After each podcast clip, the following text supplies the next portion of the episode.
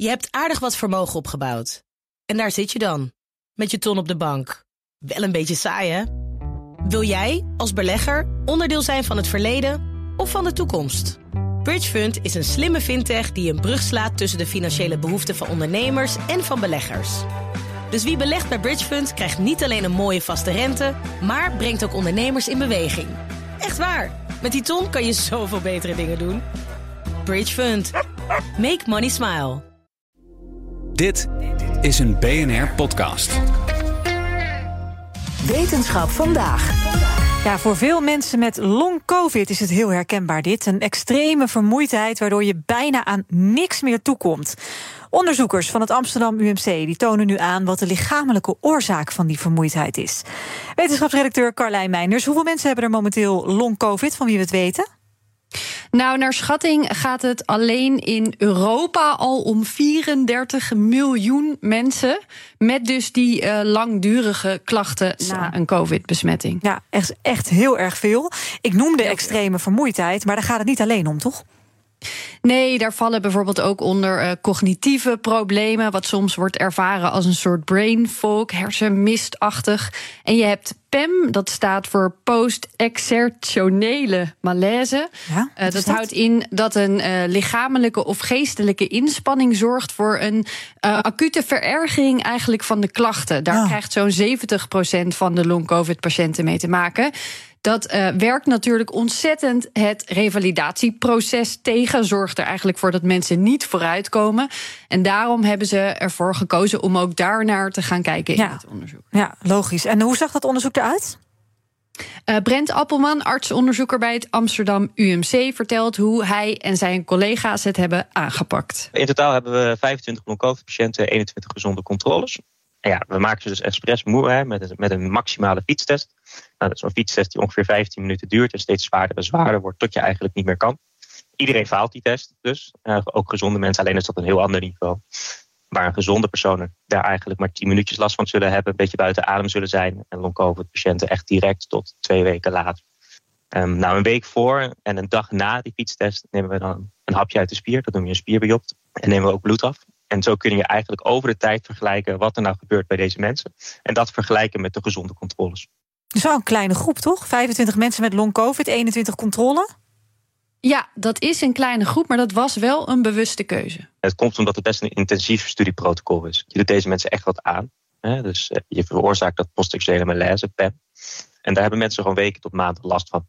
Dus het is wel heel belangrijk om te realiseren wat je veroorzaakt. En dat je niet zomaar in 100 mensen gaat doen als je met 25 mensen ook al resultaat ziet eigenlijk. Het is helemaal terecht dat het nog gerepliceerd moet worden.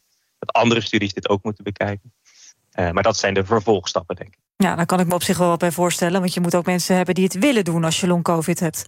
Zeker, zeker ja. Want die biopten, die spierbiopten, die vinden plaats zonder verdoving. Anders ah. kunnen ze het niet goed analyseren. Doet echt flink pijn. Uh, wordt natuurlijk wel uitgebreid besproken met uh, de deelnemers vooraf. Maar de mensen met long COVID hadden het er eigenlijk graag voor over. Omdat ze zo graag meer duidelijkheid willen krijgen.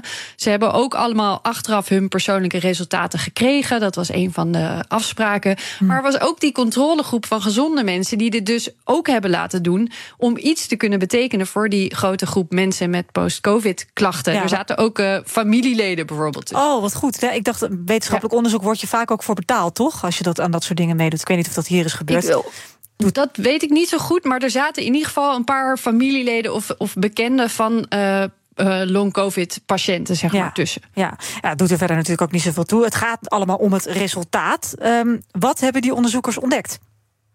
Ja, uh, ze verwachten zeker wat te zien. Uh, maar dat het zo aanwezig was, daar waren ze zelf ook verrast door. Het begon eigenlijk al bij het begin, waar de chirurg al zei tijdens het spierbiopt: Dit is een raar stukje spier. Dus die kon het al merken aan het biopt zelf. Die voelde gewoon al anders.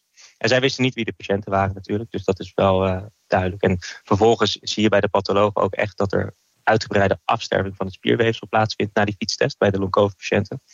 En wel ook echt meer dan bij de controlepersonen. Dus dat uh, geeft wel een goede verklaring waarom er zoveel klachten zijn bij deze mensen. Ja, maar weten ze dan ook waardoor die schade aan die spieren ontstaat, uh, Carlijn? Dat, dat is de grote volgende vraag. Ze weten nu, die spieren die kapot gaan, dat geeft dus die hevige pijnklachten en vermoeidheidsklachten. Moet je eigenlijk nog een paar puzzelstukjes ervoor hebben hoe dat dan weer komt. Hè? Dus we zien onder andere dat de mitochondriën minder goed werken. Dat zijn de energiefabriekjes van de cellen. We zien kleine eiwitophopingen waar we niet helemaal weten hoe ze daar komen en wat ze doen. Maar er moet nog iets voor zitten. Want hoe komt dit allemaal? En dat is natuurlijk eigenlijk een beetje de volgende vraag. Daar hebben we verschillende theorieën over. Daar zijn we ook druk mee bezig. En ze weten het dus gewoon nog niet, Carlijn. Nee, nee, dat wordt nu onderzocht. Uh, daarnaast deden er nog allemaal groepen nog niet mee aan dit onderzoek. Mhm. Waaronder kinderen met long-covid, uh, bedlegerige mensen. Um, uh, er zijn nog genoeg mensen die, waarbij dit dan nog onderzocht zou moeten worden. En dan zijn er ook nog andere klachten die ook nog om onderzoek vragen. Natuurlijk. Ja. En kun je dan aan de hand van deze vondst misschien al wel wat beter zeggen wie er nou long-covid heeft en wie niet? Nee, helaas niet. Want die, die spierschade die is niet uniek voor long COVID. Dus dan is het moeilijk om te zeggen, nou, als je die spierschade ziet bij iemand, dan is het sowieso long COVID. Dus ook aan de diagnostiekkant moet er nog van alles gebeuren. En natuurlijk aan de kant van uh, ja, het vinden van een behandeling hiervoor. Ja, want daar draait het natuurlijk allemaal om. Mensen die long COVID hebben, die willen die willen verbetering, linksom of rechtsom. Zeker. Is, is er iets van advies voor mensen met, met long-covid of met dit soort klachten? Ja, eigenlijk zeggen ze: ga niet over je grenzen heen. Want dan krijg je dus zo'n zo'n harde terugval. Uh, PEM, dat noemden we al even. En dat zet je weer eigenlijk al die stappen terug uh, tijdens het uh, beter worden. Die grens is voor iedereen anders. Die kan al liggen bij het uitruimen van je vaatwasser. Voor sommige mensen hebben ze er pas last van als ze een lange wandeling hebben gemaakt blijven bewegen, dat wel. Maar houd die persoonlijke grens goed in de gaten, is het advies. Ja, wel belangrijk om even op te merken, Carlijn. Heel vaak werd er gezegd uh, aanstelleritis, hè, long covid. Dat is nu wel van tafel.